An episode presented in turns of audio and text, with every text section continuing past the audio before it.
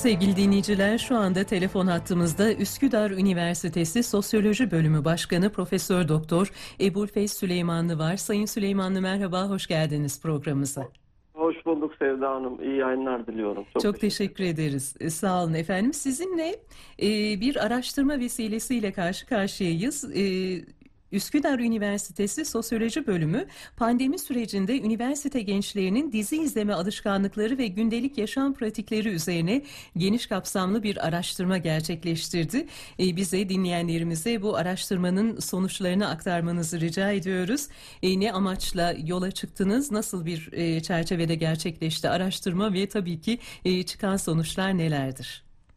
Evet, teşekkür ederim. Tabii bu araştırmanın e, genel amacı pandemi sürecinde üniversite öğrencilerinin zamanlarını nasıl geçirdiklerini incelemek ve spesifik olarak yani internette geçirilen vaktin büyük kısmını kaplayan dizi izleme alışkanlıklarının analizini yapmak ve e, araştırmanın ikinci kısmında ise pandemi sürecinde gündelik yaşamın ve alışkanlıkların nasıl şekillendiğini ve değiştiğini farklı değişkenlikler değişkenler üzerinden incelemekti. Yani geniş katılımcı araştırmadan bahsettiniz evet.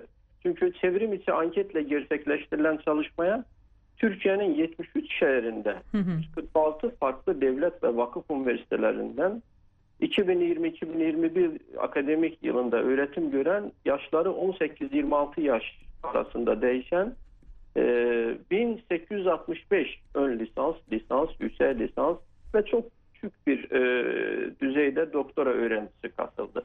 Ve katılımcıların da %60'ı kadın, e, %40'ı ise erkek katılımcılar oluşturdu. Yani bu katılımcıların cinsiyet bağlamında da biraz daha dengeli olmasına özen gösterdik.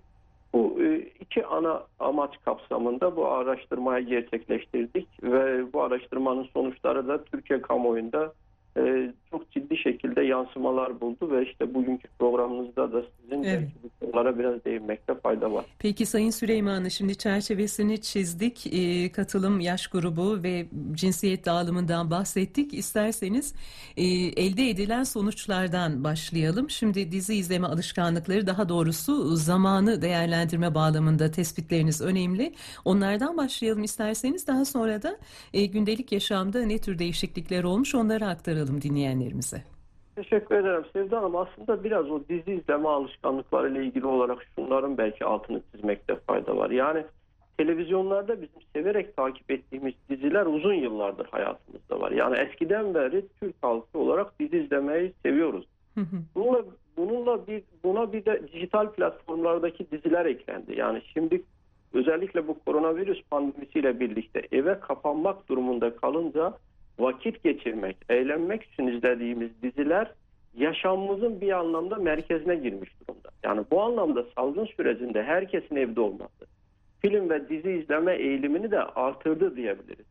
E, özellikle yani artık erkenden kalkıp yolda geçirilen bir zaman dilimi olmadığı için gece daha geç saatlerde de film veya dizi izlenebilmekte. Evet uyku düzeninde ciddi bir değişiklik yaşanıyor gözlüyoruz. Evet bu gençler arasında çok daha üst düzeyde gözlenmekte. Yani bu tüm yani bu değişen seyir biçimimiz de modern bireyin film ve dizi izleme alışkanlıklarını değiştirmeye başlamış. Özellikle mesela bu süreçte e, gündelik hayatın tamamına yayılan e, bir e, bu deneyim yeni izleme biçimleri sayesinde kontrolün ve zamanın seyirciye ait olduğu bir süreci de beraberinde getirmiştir. Yani böyle bir farklı bir e, süreçten de bahsedebiliriz. İşte bu araştırmada da odaklanılan hususlardan biri öğrencilerin dizi izleme alışkanlıkları olmuş. Yani bu pandemi sürecindeki gündelik yaşam e, koşullarıyla ilgisi irdelenmiştir. bu bağlamda katılımcıların büyük çoğunluğu pandemi sürecinde dizi izleme sürelerinin arttığını e, belirtmeleri önemli bir sonuç teşkil etmekte. Mesela bu işte dizi izleme alışkanlıklarında bir artış söz konusu oldu mu sorusuna evet yanıtını temsil eden oran yüzde yetmiş, hayır yanıtını temsil eden oranın ise yüzde yirmi dokuz Evet, çok ciddi bir oran. Yani hiç dizi izlemediğini belirten katılımcıların oranı ise yüzde on dört nokta dokuz civarında.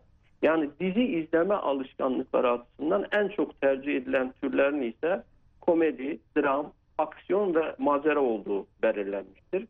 Diğer taraftan katılımcıların büyük çoğunluğu dizi seçerken içerik ve konuya dikkat ettiğini ifade etmişler.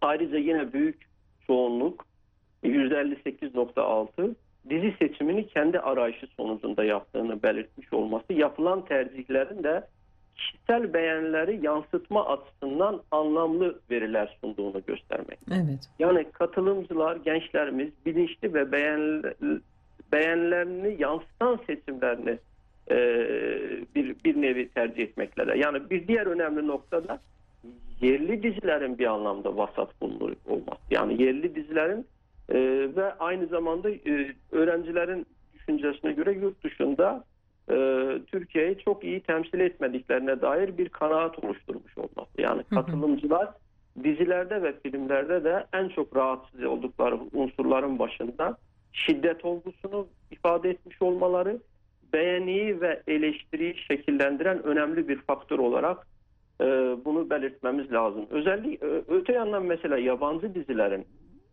bu süreçte özellikle e, yerli dizilere kıyasla daha çok, çok beğeniyor olması ise eleştiri izleyici kitlesinin yerli dizilerin şekillendireceği düşüncesini de doğurmakta.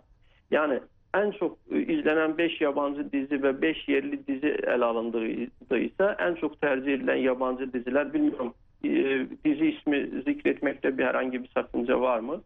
Veyahut e, türünden bahsedebilirim. Komedi Türlerden bahsedelim. Evet efendim. Komediye en çok tercih edilen dizi. E, yerli dizilerde de işte TRT yapımlarının da çok içinde bulunduğu daha çok psikolojik öğeler barındırmasıyla öne çıkan diziler olduğu görülmüştür. Yani anketten e, önemli bulgularından biri gençlerimizin psikoloji içerikli dizilerin daha fazla izlendiği anlaşılmıştır. Bunu da şöyle açıklayabiliriz aslında. Son dönemde psikiyatri, psikoloji ve psikiyatri ile ilgili diziler televizyonlarda ve dijital platformlarda oldukça popüler. Hı hı. Dünyada da akıl ve ruh sağlığının öneminin son yıllarda daha çok konuşulmaya başlanmasıyla terapi seanslarına yer veren dizilerin sayesinde bir artış gözlenmekte. Evet. Belki efendim pandemi süreciyle birlikte insanlar da genel olarak bir içe dönüş süreci e, yaşıyorlar ya dolayısıyla onun yansıması mıdır? Belki düşünmek lazım. Tabii tabii yani burada çok doğru vurguluyorsunuz. Te, e, televizyon, dizi ve film endüstrisi yani psikiyatriden fazlasıyla faydalanmakta bu süreçte. Yapımlarında bazen gerçek bazen de hayali vakalar kullanmaktalar. Diğer taraftan mesela bir de psikolojik rahatsızlıkların insan üzerinde ciddi bir çekiciliği olduğu da görülmekte. Yani bu durum belki de psikolojik e, yani bu e, dizilerin, filmlerin ciddi seyirci oranlarına ulaşmalarının altında yatan hı hı. sebeplerden biri olarak görülebilir. E, anketin ortaya çıkardığı önemli bulgulardan biri de dizilerin katılımcıların üzerinde psikoloji bir etkiye sahip olması. Yani katılımcıların neredeyse %14 civarındaki önemli bir kısmı düşük düzeyde olsa etkilenme olduğu yönünde kanaat evet, taşıdı. Bu önemli değil mi? Evet, evet. Yani e, çünkü dizi karakterleri aracılığıyla aktarılan tutum, davranış ve yaşama dair bilgilerin e, toplumda e, ve dizi izleyicileri e, üzerinde bir yansımaları olduğu gözlenmektedir. Neticede e, farklı aşamalarda da olsa karakterlerden etkilenmelerin var olduğu e, anlaşılmıştı. Özellikle dizideki karakter ve kurgulanan hayatların ve dizi karakterleriyle seyircinin özdeşim kurulması da e, bu araştırmanın ortaya çıkardığı diğer önemli bir husus.